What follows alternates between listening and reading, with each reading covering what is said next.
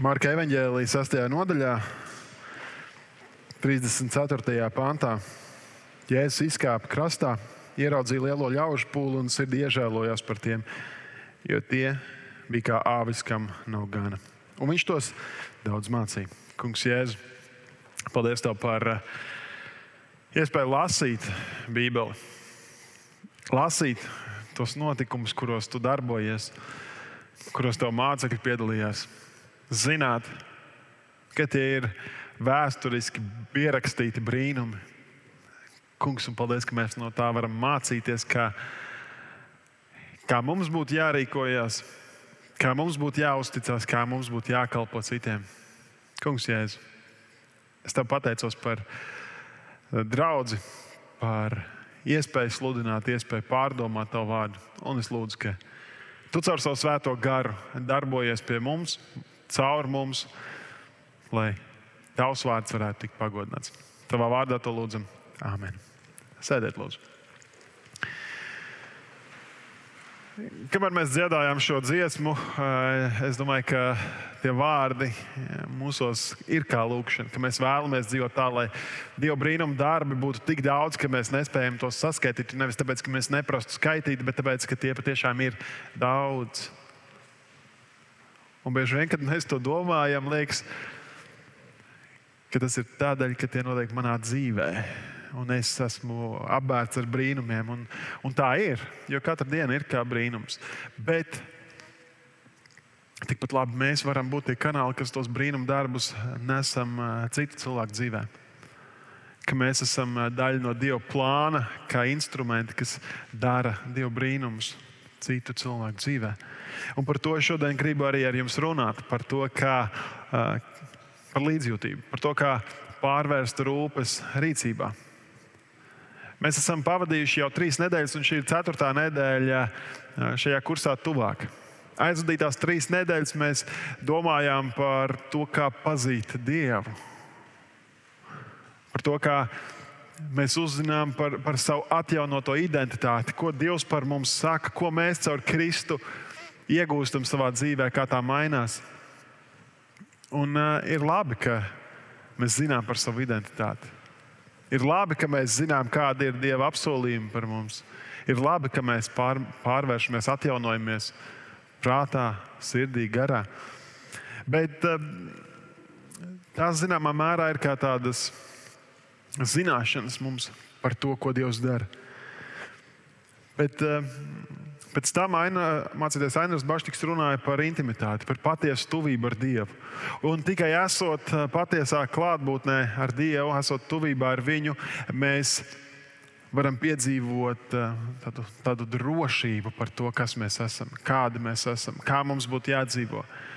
Mums vairs nav tik daudz jārūp par to, ko apkārtējie par mums saka un domā, ka vairāk mēs sākam izdzīvot to, ko Dievs par mums saka, jo mēs pazīstam viņu nevis vairs kā bargu dievu, bet kā mīlošu tēvu, kurš ir ar mums, kurš ir par mums. Un aizvadītā nedēļā kopā ar mācītāju Edgars Deksni mēs jau domājam par integritāti, ja par autentiskumu, par to, vai mēs dzīvojam saskanīgu dzīvi, kur mūsu ticība saskana ar mūsu darbiem, kur mūsu vārdi saskana ar mūsu darbiem, vai tie augļi mūsu dzīvē ir tādi, kādus mēs sagaidām vai tādi, pēc kuriem mēs tiecamies, un vai mēs ieraugam labos augļus, vai mēs ieraugam netik labos,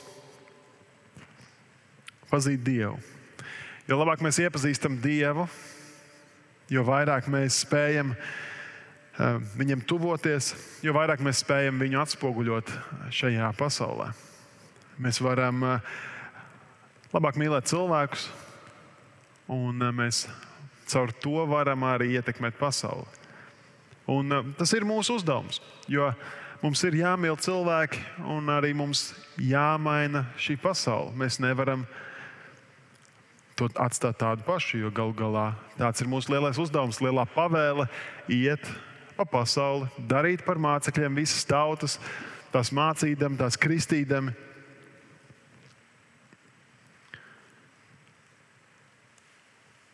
Un Jēzus Jāņa evanģēlijā saka kādus vārdus, kas man šķiet, zināmā mērā, prātam, neaptverami.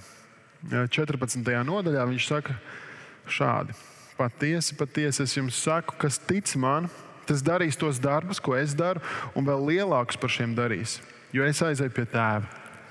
Viņš to saka saviem mācekļiem, saviem sekotājiem un arī mums, jo mēs taču ticam viņam.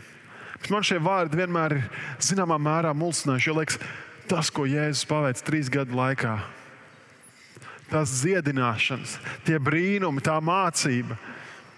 Tas viss ir tik fantastiski, tas ir tik ļoti prātam neaptverami. Un neatkarīgi vai mēs to domātu, ka mēs kā indivīds darīsim tos pašus darbus, vai mēs kā kopiena, kā draudzene, lokāla vai um, pasaules, vispasaules draudzene, ka mēs darīsim tādus pašus un vēl lielākus darbus. Tas liekas prātam neaptverami. Bet, lai tos darītu, mums ir jāsaprot, kāds tad īsti ir Dievs, kāds ir Kristus, kāds ir debesu Tēvs. Lai mēs zinātu, kāds Viņš ir, kādi darbi mums ir jādara, kādi mums ir jāatspoguļo. Un, ja jums būtu jādod kāds vārds, kā raksturot Dievu, kādu vārdu jūs izvēlētos? Es domāju, ka lielākā daļa izvēlētos vienu to pašu vārdu. Ne visi. Kādi teiktu, ka viņš ir tiesnesis, ka viņš ir bargs, ka viņš ir sodījis. Bet lielākā daļa noteikti teiktu, ka Dievs ir mīlestība. Vai es pareizi uzminēju? Daži māja ir galva, tad vismaz dažiem es uzminēju. Piemēram, Jāņa, 1. 1. Jāņa vēstulē, 4. nodaļā, 16. pantā. Jānis raksta šādu mīlestību. Mēs esam iepazinuši no tā, ka viņš savu dzīvību, tad Jēzus savu dzīvību par mums ir devis. Arī mums pienākas savu dzīvību atdot.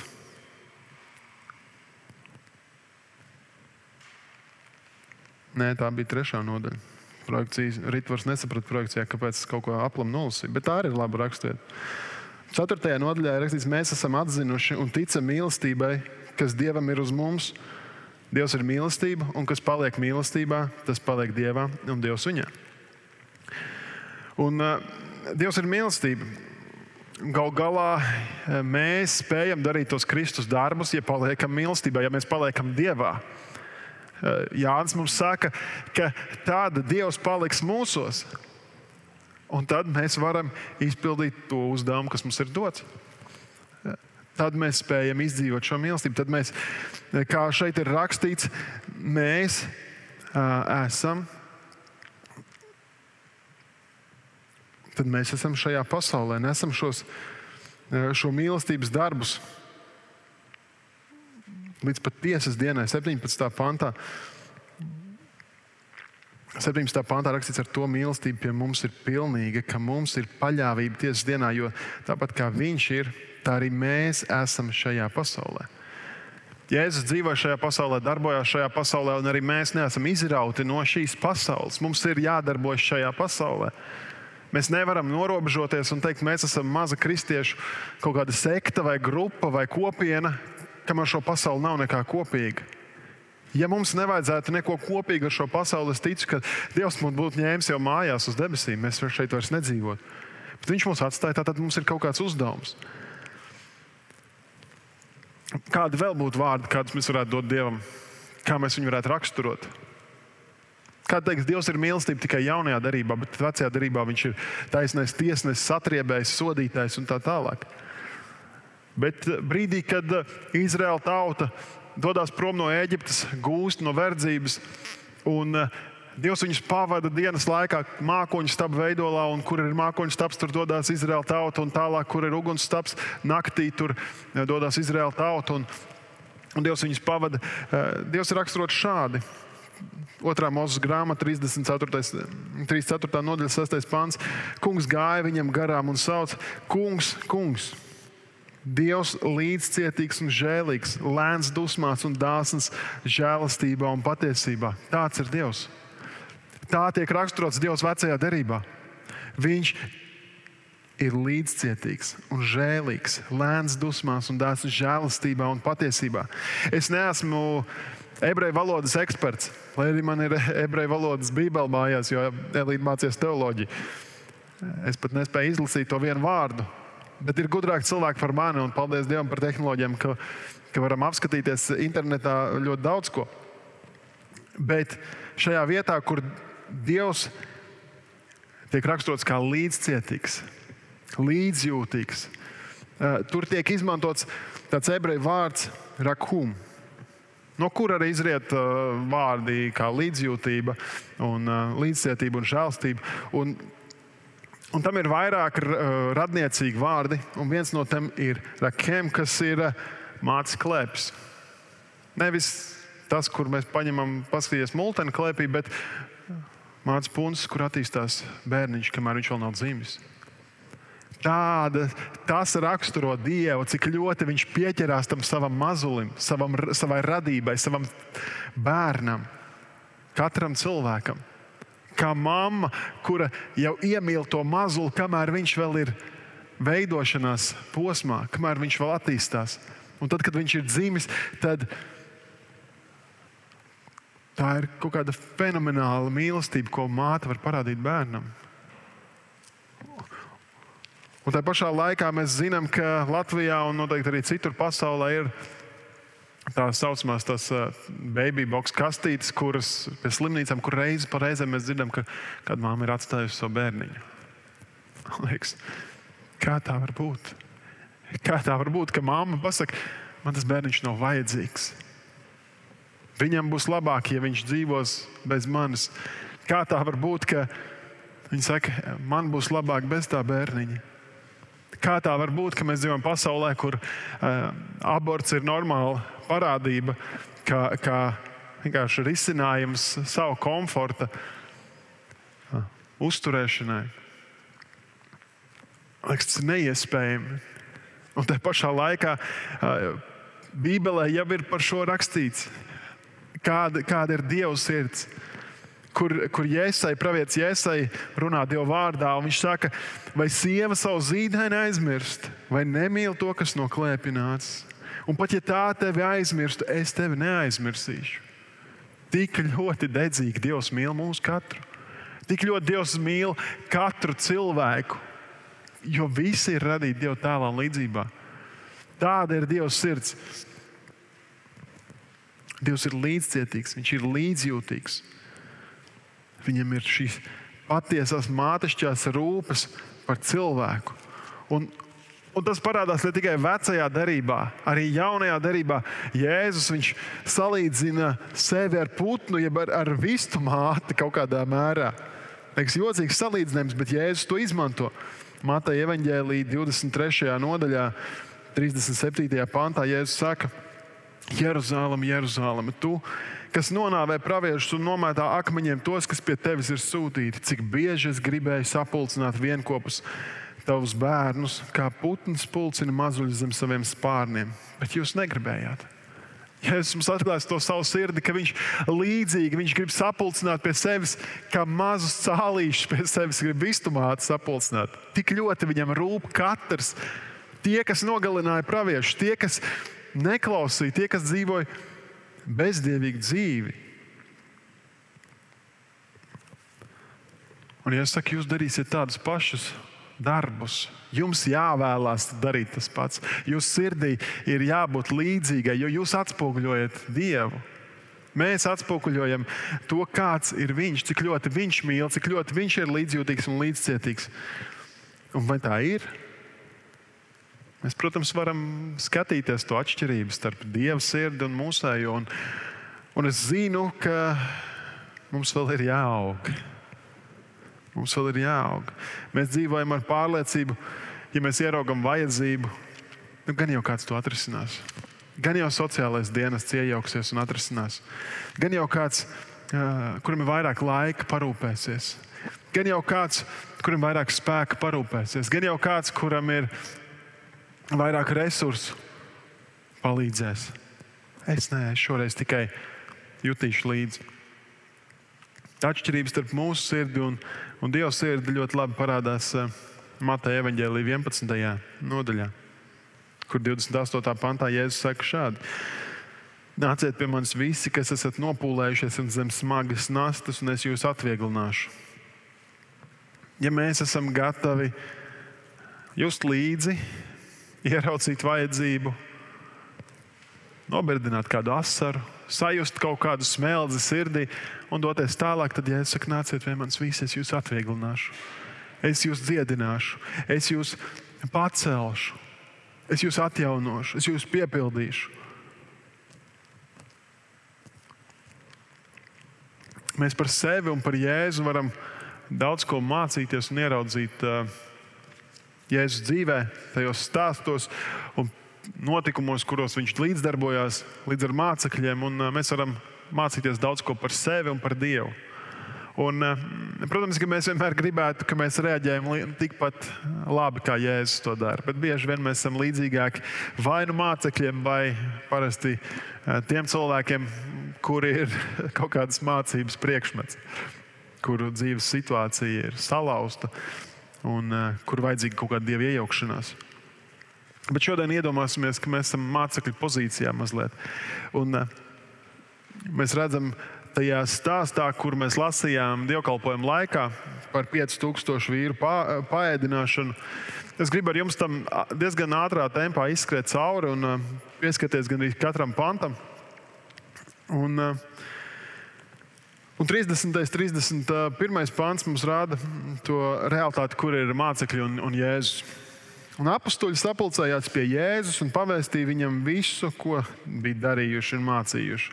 Un viņš tiem sacīja: nāciet saurup nomaļā vietā un mazliet atpūtieties.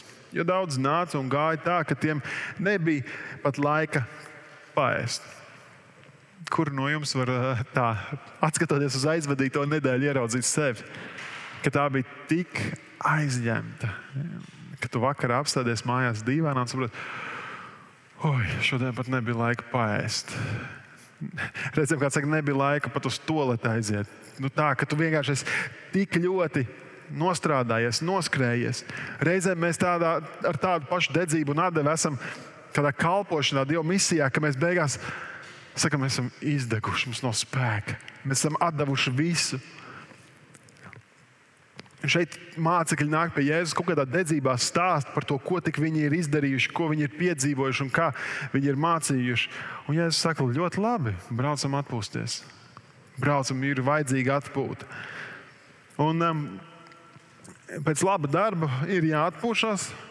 Bet tā realitāte ir tāda, ka nevienmēr sanāk. Un arī šeit mēs redzam, uh, 32. un 33. pantā, un viņi laivā aizīrās uz kādu nomaļu vietu. Un daudz redzēja viņus aizbraucam, un tos pazina, un saskrēja no visiem ciemiem un nonāca galā pirmie.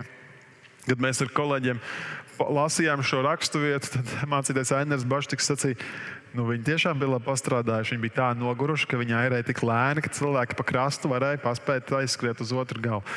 Tā, kā, tā realitāte tāda, ka tie, kur ir aizņemti, mēs uh, bieži vien būsim aizņemti arī tad, kad mēs domāsim, ka mēs dodamies atpūsties ka no, ja, ja cilvēki redzēs vērtību tajā, ko tu dari, ja viņi redzēs tavu sirdi, ja viņi redzēs e, to, ka tevī ir kaut kas no Kristus, Viņi nāks pie tevis pēc padomu, viņi nāks pēc, pie tevis pēc palīdzības, viņi nāks pie tevis pēc aizlūgšanas, viņi nāks pie tevis pēc sarunas un kaut kāda mierinājuma meklējuma.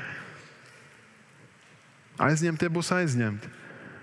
Un, ja mēs gaidīsim, kad pienāks īstais brīdis, kad es būšu pietiekami atpūties, kad es būšu pietiekami gatavs, kad es būšu pietiekami gudrs, kad man būs pietiekami daudz brīvas finanses un brīva laika, tad tas laiks nekad nepienāks. Tā ir realitāte. Es domāju, ka mēs visi to gan labi zinām. Ka vienmēr būs ko darīt, vienmēr būs iespējas. Un, ja kādam nav ko darīt, tad visbiežāk tam ir kāds dziļāks iemesls jāmeklē. Jo tie, kuri grib kaut ko darīt, viņiem vienmēr ir iespējas un, un vietas, un, un patiesībā tā darāmā ir vairāk nekā mēs spējam. Un tad ir šie vārdi, ši, šis sirds stāvoklis, ko mēs ieraugām Jēzu. Tad, kad viņi ir devušies pāri, pārcelšies pāri uz šo jauno vietu, kur ir saskrējuši daudzie cilvēki, kur ir mācekļi, kur ir noguruši, kur grib atpūsties, kuri grib paēst mazliet. Un tur sanāk cilvēki, un Jēzus izkāpis krastā, ieraudzīja lielo ļaužu pūli un sirdi iežēlojās par tiem, jo tie bija kā avis, kam nav gana. Un viņš tos daudz mācīja. Un, un pāri nogurumam, kas bija, un es ticu, ka arī Jēzum bija nogurums, ja jau viņš bija smagi strādājis. Viņš ieraudzīja šo cilvēku vajadzību, un tā ir daudz lielāka nekā viņa vajadzība atpūsties vai paēst tajā brīdī. Jēzus ieraudzīja, ka tie cilvēki ir apmaldījušies dzīvēm ka viņi nezina, uz kurien viņi dodas, no kurienes viņi nāk, kā tālāk dzīvot, kā, kā rīkoties. Un Jēzus pavada laiku ar viņiem, lai mācītu, lai runātu ar viņiem, lai kaut kādu vadību iedot viņu dzīvē.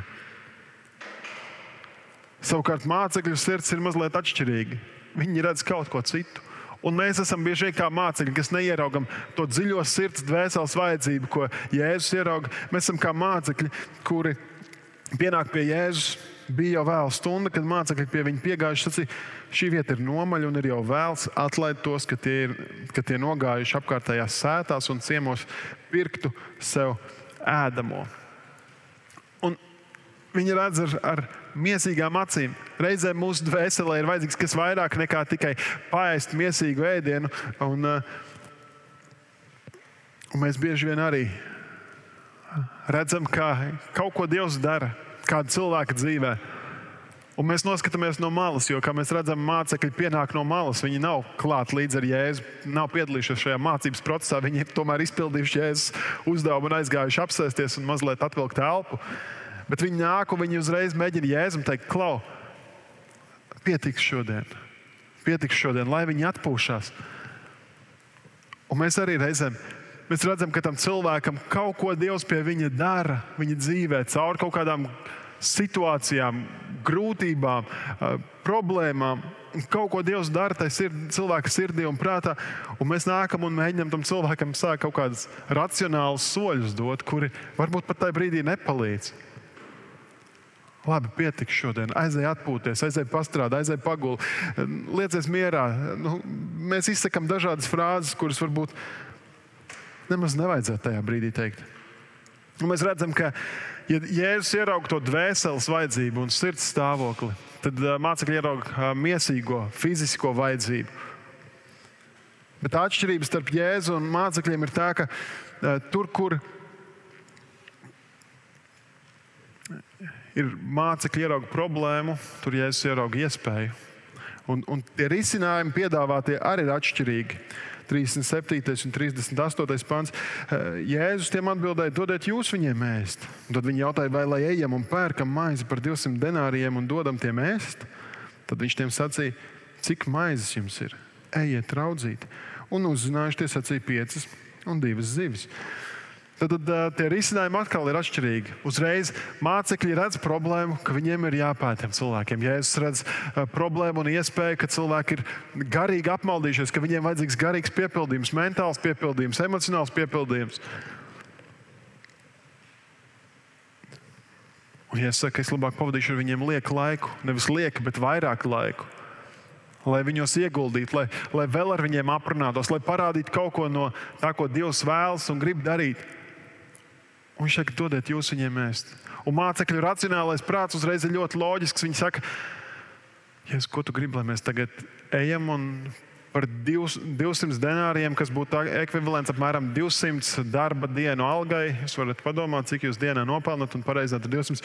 Vai, jūs, um, vai mums iet un pirkt maizi par to, vai mums visiem pasūtīt pitu, vai mums norganizēt zupas virtuvi? Ko mums darīt, Jēzus? Jēzus mums liek domāt ārpus rāmja. Viņš ne, neliek mums dot tos resursus, kurus mēs neesam spējīgi varbūt nemaz pado, iedot, kas mums nemaz nav. Viņš, viņš saka, lai mēs meklējam risinājumu kaut kur citur. Kur mācekļi redz problēmu, tur Jēzus redz iespēju. Un tajā brīdī, kad Jēzus viņam saka, paņemiet šīs maizes, un zivis. Ļoti maz. Tas nāk viena maize uz apmēram 1000 cilvēkiem. Viena zivs uz vairāk nekā 2000 cilvēkiem. Neiespējamā misija, tā teikt. Saku, sasēdiniet viņus pulciņos, 39. un 40. Um, pāns, Jēzus visiem lika pa pulkiem nomesties zaļajā zālē, un tie nometās pulciņos pa 100 un pa 50. Tad, tad, um, Jēzus sadala viņu, viņu kaut kādā to problēmu, to vajadzību mazos soļos, kaut kādās mazākās vienībās, un, uh, un tikai tad ķerās klāt tam risinājumam. Un reizēm arī mūsu dzīvē ir tā, ka kaut kāda problēma, izaicinājums vai iespēja uh, apmierināt kaut kādu vajadzību, kur mums deg sirds par kādu vai nu cilvēku grupu vai kādu konkrētu cilvēku un vajadzību. Un mēs saprotam, mums nav resursu, lai to visu apmierinātu vienā piegājienā. Ne finansiālā, ne laika resursi, ne, ne uh, emocionālā kapacitāte, lai to izdarītu. Nekas sadala pa mazām daļām. Kaut vai da, daļu no problēmas tu varēsi atrisināt. Un mēs varam ieraudzīt to modeli, kā Jēzus to risina. Un Jēzus sadala trīs, es teiktu, ka viņš sadala to procesu trīs daļās. Tas pirmais ir, ka viņš ņem uzticās Dievam. Lai arī viņš pats ir Dieva dēls, viņš tomēr ņēma tās piecas maizes un divas zīves un pacēla acis uz debesīm, pateicās un lauza maizes un deva saviem mācekļiem viņš meklē Dieva vadību. Viņš zina, cik daudz var izdarīt ar tiem resursiem, kas ir viņa rokās. Un tajā pašā laikā viņš zina, ka Dievs ir brīnum Dievs. Viņš zina, ka Dieva resursi ir uh, lielāki par mūsu resursiem, ka viņa plāni ir lielāki par mūsu plāniem, ka viņa sirds ir plašāka par mūsu sirdi. Viņš meklē Dieva vadību, viņš pateicās par to, viņš iedod saviem mācekļiem, un viņš saka, lai, vi, lai viņi liktu tiem priekšā, un arī tās divas zivs viņš sadali, eh, visiem sadalīja. Un tad viņš bauda šīs dieva svētības, to dievu vadību. Jo visi pēda un bija sāti, un tie salasīja 12 pilnus grozus ar maizes gabaliem. Un pēdušo bija 5000 vīru. Tajā brīdī, kad mēs uzticamies Dievam, kad mēs sākam pa mazam solītam ar paļāvību uz to, ka Viņš darīs, ka Viņš vadīs, mēs sākam piedzīvot Dieva svētību pat ārpus mūsu saprāšanas, ārpus mūsu resursiem, ārpus mūsu iespējām. Mēs baudām svētību. Mēs redzam, ka kaut kas notiek. Ja mums pateiktu, ko mēs varam izdarīt, uzticoties Dievam, mēs iespējams nobītos. Bet tajā brīdī, kad mēs paklausībā sākam rīkoties, tad arī labas lietas notiek. Un brīžiem, tad, kad mēs uh, uzticoties Dievam, piedzīvojam kaut kādus brīnumus un svētības, mēs beigās atopamies, uzsitot sev pa plecu. Nu, gan es labi izdarīju, nu, gan tā man labi sanāca. Tas gan bija forši, kā es izdomāju. Un atšķirībā no mums, Jēzus tā nedara. Jēzus. Tūlīt viņš lika mācekļiem sakāpt laivā un pirmajiem doties pāri otrā krastā uz Betseidu, kamēr viņš pats atlaist ļaužu pūli. Un tos atlaidis viņš uzkāpa kalnā dievlūgt. Šeit, manuprāt, ir eh, viena no lietām, kur mēs pazūdam bieži vien. Jo mēs aizmirstam eh, noslēgt labo darbu, līdzjūtību ar pateicību. Kā jau sacīju, mēs uzsitām sev uz pleca. Mēs pa, palapojamies, ja ne skaļi, tad klusībā par sevi. Bet tā vietā mums būtu atkal jā, jābūt uz ceļiem, lai lūgtu Dievu. Gan paši par sevi, par eh, to, lai mēs nekļūtu augstprātīgi, iedomīgi, bet vēl vairāk par tiem cilvēkiem, kuriem mēs esam varējuši būt līdzās un palīdzēt. Par kuriem mēs varam turpinoši lūgt, lai Dievs kaut kādā veidā pie viņiem strādā. Un tad eh, pēc šīs stāsta lasīšanas, pārdomāšanas, tas jautājums, kas man pašam bija, ko tad mums darīt? Vai iet tagad Matejā atkal atjaunot zupas virtuvi? Vai iet tagad barot cilvēkus visus pēc kārtas, vai aicināt mājās tagad visus, kuriem mēs uzskriesim virsū? Nu, Atbilde noteikti ir jā un nē. Tāpēc, ka laiks un metodas var mainīties, bet vēsts jau nedrīkst mainīties. Vēsts ir tā, kas paliek. Un, un Jēzus jau mums diezgan skaidri atgādina to, kādai ir jābūt mūsu motivācijai. Un, un no tā izriet viss pārējais, ko mēs darām. Jēzus teica, mīli kungu savu dievu ar visu savu sirdi, ar visu savu dvēseli un visu savu prātu. Šis ir pats lielākais un pirmais bauslis, bet otrs ir tam līdzīgs - mīli sev tuvāko kā sevi pašu. Šie divi baušļi ir pamatā visai bauslībai un praviešu mācībai. mīlēt Dievu un mīlēt cilvēkus. Ja mēs samainīsim secību, vai ja vienu no daļām mēs atmetīsim, mēs būsim apmaldījušies. Mēs nespēsim piepildīt to, ko uh, Dievs mūs aicina darīt. Tāpēc arī šis kurs tuvāk sākās ar nevis ar aktīvo rīcību, ar misijas plānu, ar uzdevumiem, kā ietekmēt un mainīt pasauli, bet ar to, kā iepazīt Dievu, kā iemīlēt Dievu, kā piedzīvot viņu.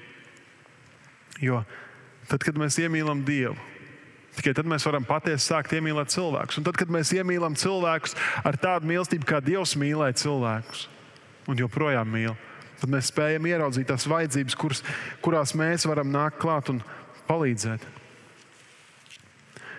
Mēs paši savā spēkā to nevaram izdarīt. Jānis, nevis Jānis, bet Jēzus Jāņa evanģēlijā, 15. nodaļā. Viņš saka, ka mans bauslis ir mīlēt cits citu. Tāpat kā es jūs esmu mīlējis. Jēzus mums portretē to, kā mums būtu jādzīvo. Jēzus ar savu rīcību parāda, ko nozīmē pašaizliedzīga mīlestība. Jēzus sekotājs, māceklis un draugs Jānis, kurš pierakstīja tos vārdus, ko Jēzus teica, ir ļoti no tiem ietekmējies. Un, un pats viņš 1. Jāņa vēstulē, 4. nodaļā, 19. pantā raksta, mēs mīlam, jo viņš ir mūsu pirmais mīlējs. Viņš visu laiku atgādina, ka mēs spējam to izdarīt tikai tāpēc, ka Jēzus ir mums parādījis piemēru. Tikai tāpēc, ka Viņš ir parādījis mums žēlastību, tikai tāpēc, ka Viņš ir uzupurējis mūsu labā. Un mēs paši to nespējam izdarīt. Un man ļoti patīk tie Jēzus provokatīvie vārdi, jo Jēzus man liekas, bija diezgan liels provokators. Un viņš eh, Lūkas evanģēlijas 8. nodaļā, 32. līdz 35. pāns, tur ir tādi diezgan um, asi vārdi par mīlestību. Ja par mīlestību var būt asi vārdi, tad Jēzus tos ir pateicis šeit. Ja jūs mīlat tos, kas jūs mīl, kāds jūs nopelns? Arī grēcinieki mīl tos, kas viņus mīl. Ja jūs atdarāt ar labu tiem, kas jums dara labu, kāds ir jūsu nopelns? Arī grēcinieki dara tāpat. Ja jūs aizdodat tiem, no kuriem cerat atdabūt, kāds ir jūsu nopelns? Arī grēcinieki aizdod grēciniekiem, lai saņemtu tikpat atpakaļ. Bet mīliet savus ienaidniekus un dariet labu, un aizdodiet neraizēdamies. Tad jūsu alga būs liela, un jūs būsiet visaugstākā dēla arī meitas, protams, jo viņš ir laipnīgs pret nepateicīgajiem un ļaunajiem. Dievs ir laipnīgs pret nepateicīgajiem un ļaunajiem, un pret tiem mums jāparāda mīlestība. Es zinu, ka mums dabiski vieglāk ir iet un karot pret eh, nepateicīgajiem un ļaunajiem, pret citādākajiem, pret tiem, kurus mēs nesaprotam. Kam man ir jāparāda mīlestība? Vai tikai brāļiem, Baptistiem šeit, Matejā? Ne taču visiem cilvēkiem. Vai man ir tiešām jāprāt laipnība tiem, kuri par vakcināciju domā citādāk nekā es? Jā, arī tiem man jāprāt laipnība. Vai man ir jāparāda mīlestība un laipnība tiem, kuri par satversmes tiesas grozījumiem ģimenes jautājumā domā atšķirīgi nekā tradicionāls konservatīvs kristietis? Jā, arī man jāparāda laipnība, mīlestība arī homoseksuāļiem, transseksuāļiem Lai arī cik tas būtu reizēm grūti un nesaprotami. Jo tie cilvēki ir, kā Jēzus saka, apmaldījušies kā bez gana, kuriem trūks dzīvē tā vadība, kur tikai pie Dieva var atrast. Vai man jāparāda mīlestība tam, kuru es ienīstu, kuru es labāk redzu, ejam nekā nākam? Jā, tas ir tas, ko Jēzus šeit saka.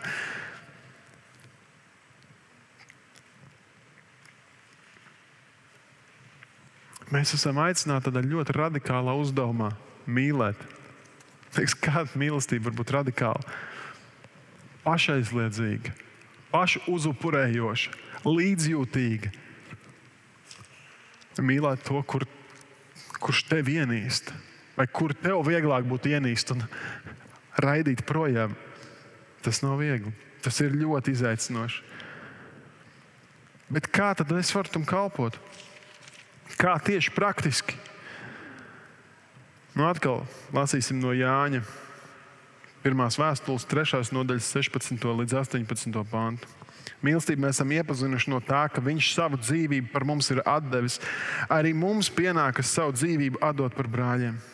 Ja kādam šajā pasaulē ir pārticība, un viņš redz savu brāli trūkumā un noslēdz tam savu sirdi, kā lai viņām paliek Dieva mīlestība? Bērniņi, nemīlēsim ar vārdiem un ar mēli, bet ar darbiem un patiesību. Kad lasām šos vārdus, ir ļoti viegli sākt rādīt ar pirkstiem. Ja ne ar pirkstiem, tad vismaz galvā nodomāt, ah, tas nozīmē, ka viņam ir jādod vairāk naudas.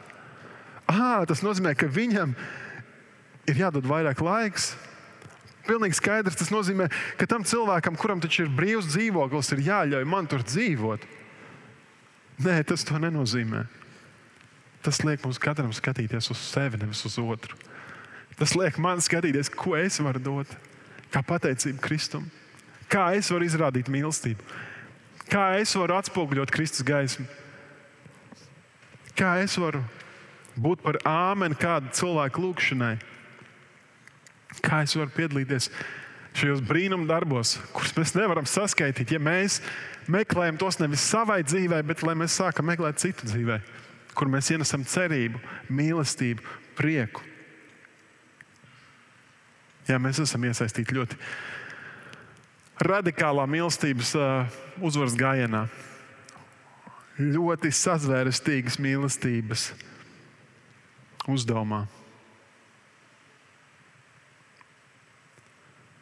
Kā cilvēki mainījās Jēzus klātbūtnē, nevis viņa mācības dēļ, un tāpēc, ka viņš pateica, ko var vai ko nevar darīt. Cilvēki mainījās, jo viņi piedzīvoja Jēzus Kristus mīlestību to, ka viņi netika aizraidīti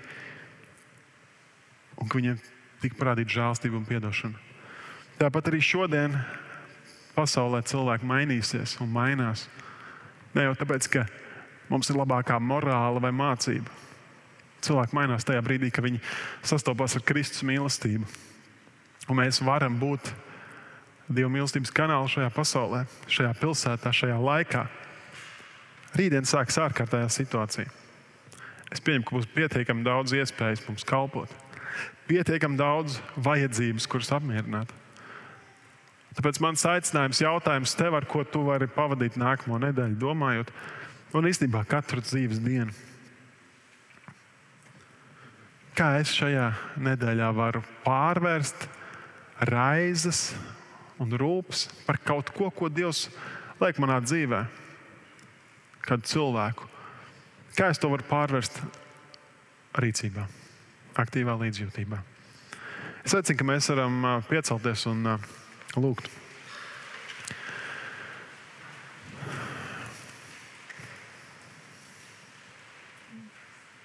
Kungs, Dievs, mēs tev pateicamies par to, ka tu mūs mīlēji pirms mēs mīlējām. Ka tu mūs mīlēji, kad mēs vēl ar savu dzīvi, ar savu rīcību, ar savu attieksmi spļāvām tev sejā un griezām muguru. Kungs, es tev pateicos par to, ka tu pašaizliedzīgi atdevi savu dzīvību par grēciniekiem, par mani, par mums, lai mēs varētu piedzīvot dziedināšanu, lai mēs varētu dzīvot. Kungs, Jēzu,